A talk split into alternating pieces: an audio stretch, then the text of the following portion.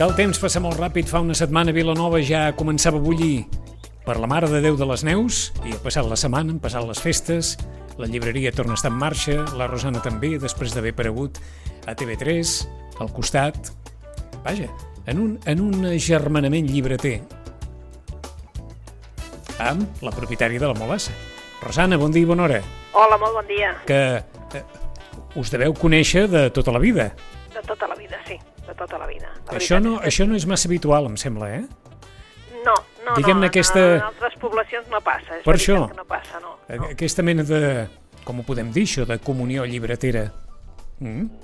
És un- una col·laboració que hem portat sempre. Des de fa molts anys, molts anys, vam decidir que saps? Vull dir, allò que de dir, escolta'm, eh, fem coses conjuntament perquè hi ha Ah. coses que, que en solitari no, no, no es poden assolir, no? Vull dir, clar, i a més a més eh, s'ha de dir que és veritat que els editors també els hi poses fàcil, saps? Vull dir, perquè eh, si ha de venir un autor així com a molt conegut, clar, on, te va? A una llibreria o l'altra? Eh, bé, el fem plegades i busquem un local Ahà. alternatiu perquè hi càpiga més gent. I saps? això suposo que deu anar bé també per, per passar millor els mals moments i per celebrar millor els bons moments. Sí, sí, sí, sí, la Això, veritat és això que d'anar co- conjuntament, eh? eh? Sí, Uh, em, sí, bueno, tens gent per, per parlar-ne, no? I, bueno, Està clar, està clar, està clar. Tot això a partir, com, com els dèiem, que vàrem veure, eh, no recordo jo ara el nom de la, de la propietària de la Molassa, Anna, Anna Llosa. Anna Llosa. Doncs vàrem veure la Rosana i l'Anna Llosa, al- als peus de, de la Pacifae, eh, recomanant llibres a TV3 i precisament ens va cridar l'atenció doncs, precisament aquesta, aquesta història de, de companyia de, de dues llibreries, d'amistat entre dues llibreteres i de com això mm, doncs, ha servit també perquè els negocis vagin millor, per passar millor hem de suposar les èpoques més, més refumudes i, i per, perquè Sí, els editors tinguin més consideració. Sí, per presentar-te, saps, eh, doncs, eh, que sigui, saps? Vull dir que doncs, si hi ha, doncs, eh, una, diguem-ne, un concurs a la públic de- de- d'aquí de, de Vilanova, etc, doncs et presentes moltes vegades conjuntament i si no, doncs després, malgrat que toqui un o un altre, doncs es fa conjuntament, Està clar, saps? està clar. 20 minuts i seran les 12, per tant tenim 20 minuts perquè suposo que quan ens tornem a retrobar amb la Rosana, que serà passada la nostra festa major, estarem a punt de viure la pluja de, de novetats de la tardor. Sí, el dia 30, el dia 29, el dia 30... Ja està cantat, això, eh? Un, eh? Hi haurà un, bé, un dalt a baix de, de, de, de molts llibres sortint alhora perquè doncs, comença la, la tardor. Eh? O sigui que mentre Vilafranca facin castells, Sí. hi haurà pluja de novetats Pluja de novetats aquí a la llibreria. el gairebé penúltim dia del mes d'agost, pluja de novetats s'enceta a la tardor. Mentrestant, mentrestant hi ha molt on escollir, com, com Sí. sempre hem dit. Per on comencem, Rosana?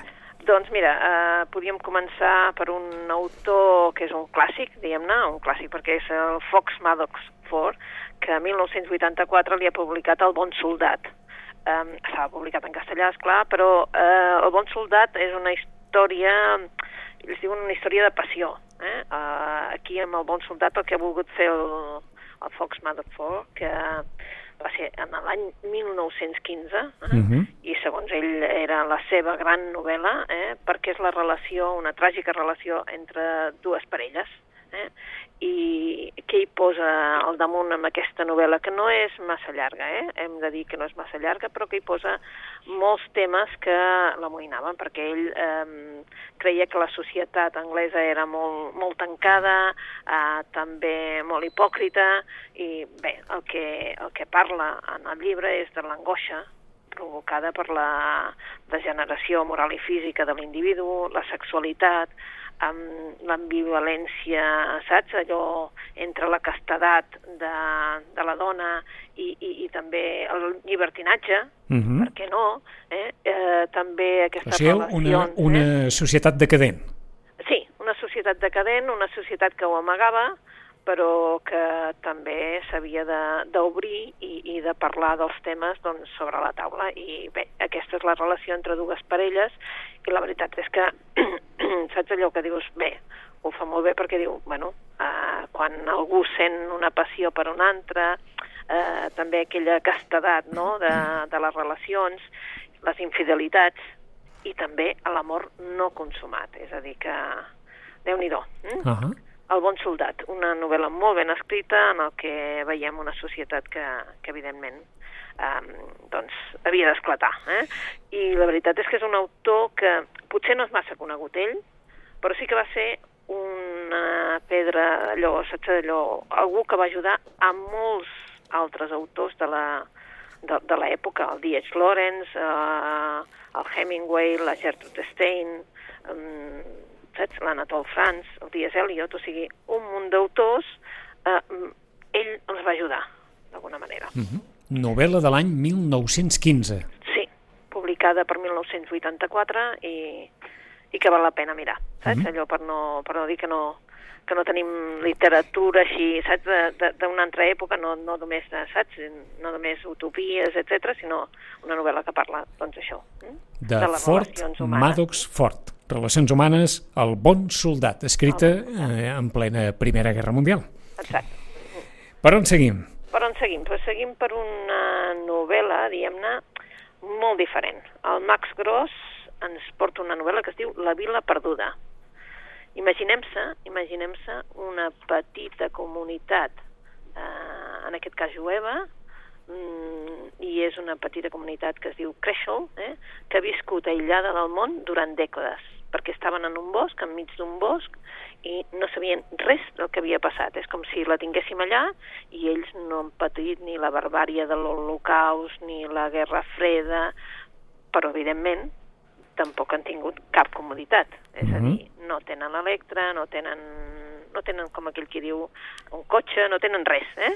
Uh, clar, uh, què passa quan un membre de la comunitat farta d'un divorci amarg i violent eh, marxa, marxa d'aquesta comunitat, eh, tira bosc enllà fins que troba una altra població pel seu eh, bueno, pel seu asturament hi havia alguna cosa més eh, lluny d'aquest bosc i lluny de la seva comunitat, que era una comunitat jueva molt tancada. Què passa? Doncs que és que de cop i volta està al segle XXI m'entens? I ells mm -hmm. vivien com si visquessin al segle XIX.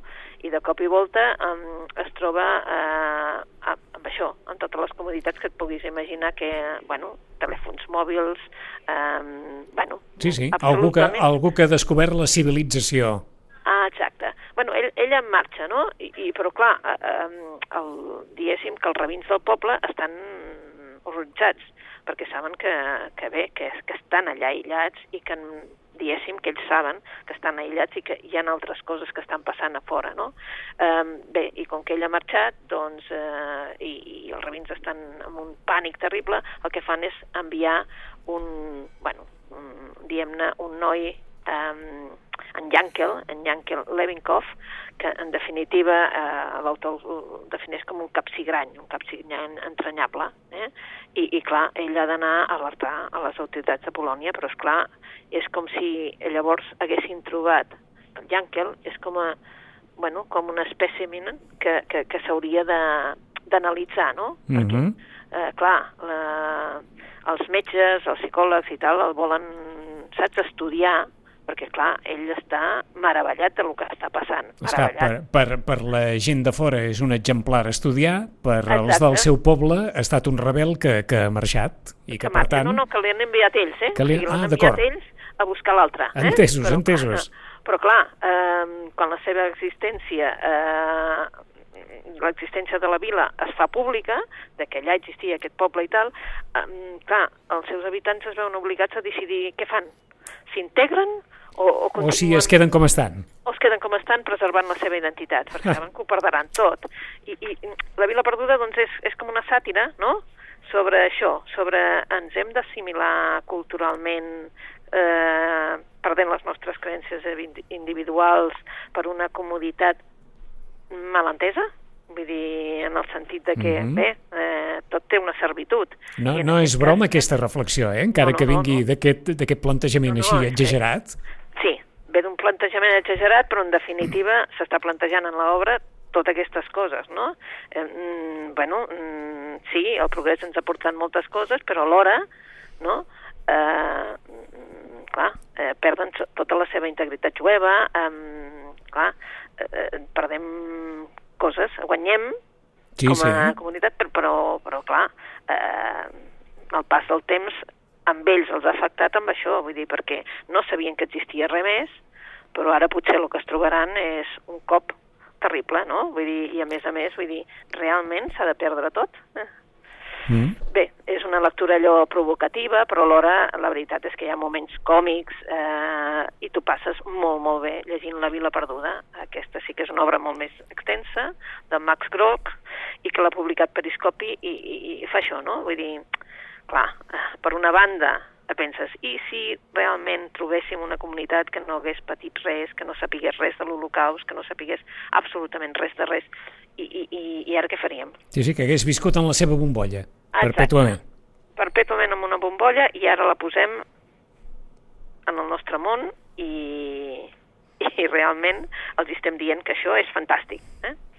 Bé, Bé, doncs. La Vila Perduda de Max Gross per deixar reflexions eh, en veu alta a partir de la història d'aquesta petita comunitat aïllada del món que veu com un dels seus habitants coneix allò que passa a l'exterior. Per on seguim? seguim per una novel·la policíaca d'aquestes eh, que no té res a veure amb el... Eh, que és una novel·la d'una autora que es diu Jacqueline Winspear, que no ens havia aparegut aquí encara.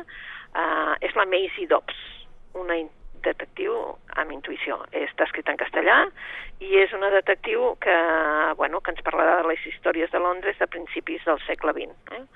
En definitiva, fora de, de casa nostra, és una autora que ha publicat moltíssimes novel·les, que és una sèrie, això de la Maisie Dobbs és una sèrie. Ahà. A nosaltres, ara aquest juny, ens ha aparegut aquesta Maisie Dobbs, la primera, no?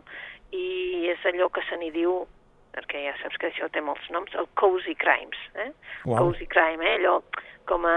Vull dir que no és allò salvatge ni... Saps? Ni les Ah, escenes molt crues, d'acord. ni, ni... Saps? Allò és allò tot bastant arregladet, diguéssim, Mhm. no? O sigui que aquí, aquí els hi agradi Agatha Christie, els hi agradarà. Exacte, per entendre'ns. Per entendre'ns. Per entendre'ns és així. És la primavera del 29 i la Maisie Dobbs, que col·loca un cartell a la porta d'un despatx que diu investigaciones personales y comerciales. Eh? Per descomptat que la portada, faig un incís, Sí. es presta a, a abocar aquella època de, de Ah, les exacte. novel·les d'Agatha Christie. D'Agatha Eh? Christie, sí, una mica això, però posat en, vull dir, en el llenguatge d'ara, no? Ahà. I, I, clar, la, eh, aquesta noia, clar, pensem que això és el 29, és una dona i està fent de d'investigadora, eh? vull dir que és difícil en aquells anys. I bé, mm, fa uns anys ella havia entrat a treballar amb la, a, a casa d'una d'una lady, de raó, i aquesta aristòcrata um, es va donar de seguida que aquesta noia tenia molta intel·ligència i una intel·ligència nata i, una, i, i realment la va agafar sobre la seva protecció i li va presentar el Maurice Blanche, que és eh, un investigador. A partir d'aquí, ell també veu que hi ha una intuïció amb aquesta noia per, per eh, esbrinar qualsevol cosa i, per tant, eh, la, la porta cap a aquesta, a, a aquesta professió, no? Mhm. I, bueno, el primer encàrrec de la Maisie és un cas d'infidelitat, però que la portarà cap a un lloc que es diu el Retiro, que és un refugi de veterans de la Primera Guerra Mundial. I llavors ella el que es trobarà allà, a més a més, és una relació amb el seu propi passat. Mm? És una sèrie així per passar una bona estona, llegint això, saps? Sota l'ombra, sobretot, sobretot l'ombra i amb una miqueta de fresca, i la veritat és una novel·la fàcil de llegir per aquests dies. Mm? Títol? A Maisie Dobbs, una detective con intuición. Queda clar. Eh? Maisie Dobbs, una detective com intuïció, i ja veuran com la portada ens aboca aquesta, aquesta Gran Bretanya, aquesta Anglaterra de, de principis del segle XX, 20, 30, i, i abocant aquelles, aquelles novel·les tan, tan populars i conegudes de l'Agatha Christie. Eh, La sèrie és llarga, per tant, hem d'entendre que aquesta és la primera d'una de moltes que, que aniran arribant, eh?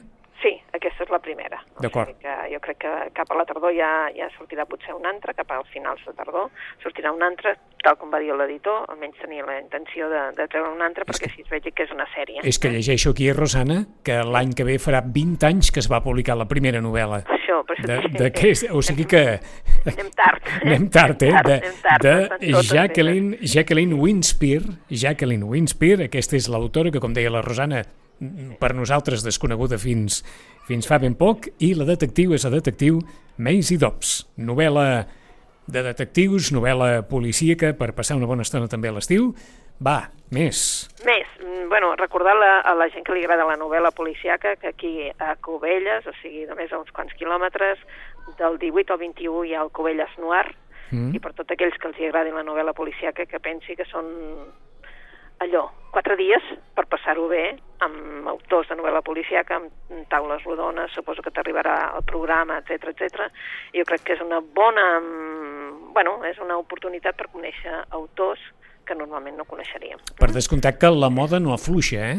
No, no, no, no. No, la veritat no, no és estem en el cas perquè fa molts anys que estem parlant de novel·la negra, novel·la policíaca, eh? Sí, i aquest any t'haig de dir que la gent volia novel·la policiaca per, per, per saps? Per evadir-se. Mm tothom vol evadir-se i pensa, bueno, la novel·la policiaca que és fàcil de llegir, com dèiem aquesta, doncs no? si la, si la volen a l'estiu, espera't a la tardor. Exacte, imagina't, sí, sí, sí, eh? amb el que ens anuncien... Amb, amb el que ens anuncien, sort que n'hi ha molta per escollir de novel·la sí, policíaca, sí, sí. eh? Bueno, em sembla que ens haurem d'amagar a casa i, i amb una novel·la, amb una pileta de novel·les i de dir, no vull saber res. No vull Exacte, saber res, eh? per, per això, com a Sí, mínim que eh? se sàpiga que hi ha molta oferta, molta oferta per escollir de novel·la policíaca. Continuem amb una altra, si et sembla. Vinga. Una, aquesta no té res a veure amb tot això que parlàvem, és del Colm Toibin i es diu El Mag, en castellà El Mago, publicat en català per Amsterdam i en castellà per uh, Lumen. El Mag ens parla d'un personatge en concret, ens parla de el Thomas Mann, i és... Eh, aquí ens apareix a partir de l'any 33... Uh, to, el Thomas Mann novel·lista? El Thomas Mann novel·lista, sí. El Thomas Mann novel·lista... És a dir, l'home de, la, de la muntanya màgica, eh? Ah, exacte, l'home de la muntanya màgica, saps? Vull dir, eh, l'home també de, del... Ai, el de Venècia, saps? Aquell- Bueno, mm, en Sí, home, sí. Eh? Uh, Mort a Venècia. Mort a Venècia, exacte. Ara. Sí, doncs, doncs el, És que ens posem... el mag... Sí, al, que, al migdia ens posem a prova. Ah, sí, és que escolta'm, eh? bueno, doncs aquí el, el, el Comte Iben el que ha fet és no retratar, no estudiar la, la part del, del, del, de l'escriptor i les novel·les i tot això, sinó la part humana.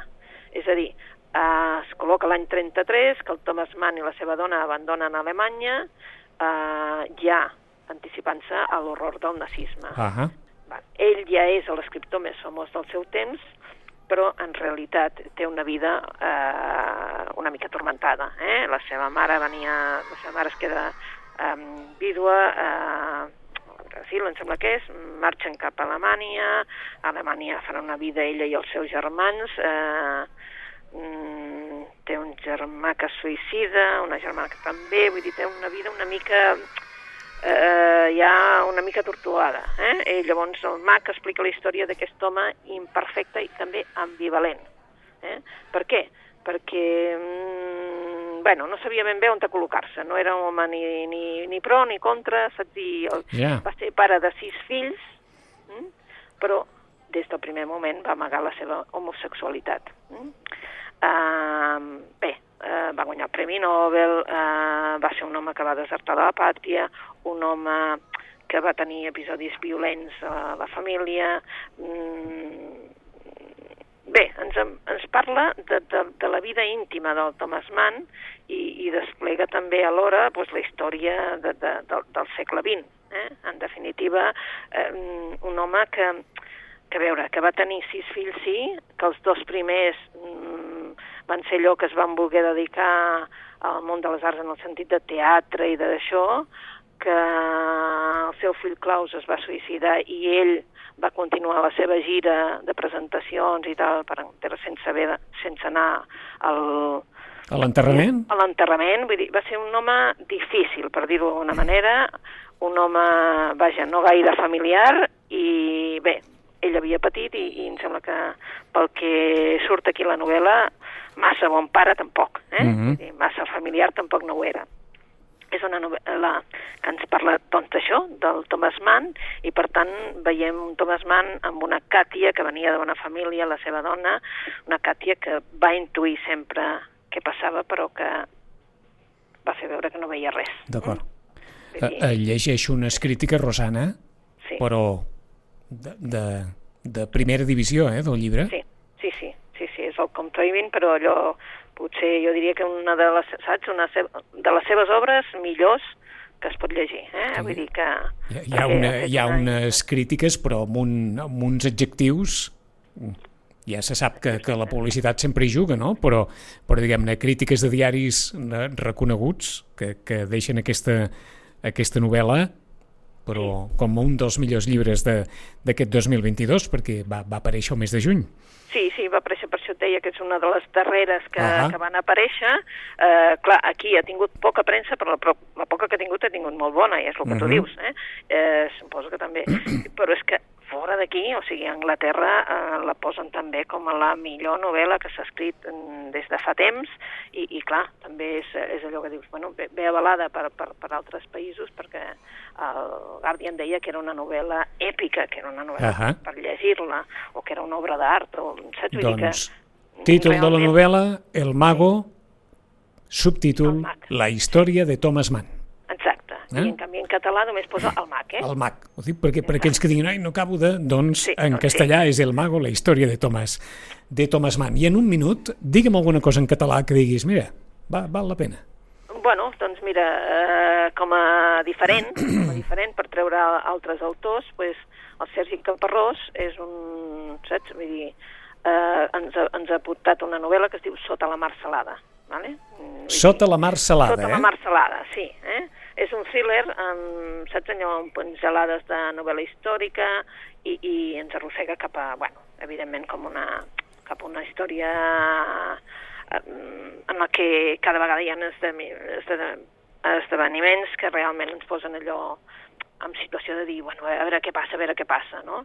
Eh, queden tots atrapats en una espiral frenètica de violència, de persecucions, d'allò, saps? Eh, estem a l'any 29, també, mm, i, i un estiu d'aquells calorosos de Sant Joan, eh, un papir romp a la vida d'en Ramon i de l'Andreu i ho capgira absolutament uh -huh. tot. Pare i fill, um, no, com que no saben que, que, que, que té, quin valor pot tenir aquest objecte, però els queda clar que, que realment haurien d'investigar-ho eh? doncs... i fugir de, de traficants i, bueno, evidentment ens... és una, una corruda. Eh? Doncs ens quedem enfilant aquesta història de Sergi Caparrós, Sota la mar salada. I en 15 dies, passada la festa major, tornarem a retrobar la Rosana encarant les novetats de la tardor. Rosana, bona lectura. Molt bona lectura amb vosaltres i bona festa major. Adéu-siau, gràcies. Adéu. I a tots vostès, demà dijous hi tornem, demà amb una edició especial del Gaudeix la Festa i després amb la xerrada dels Jànios d'aquesta nit. Fins demà.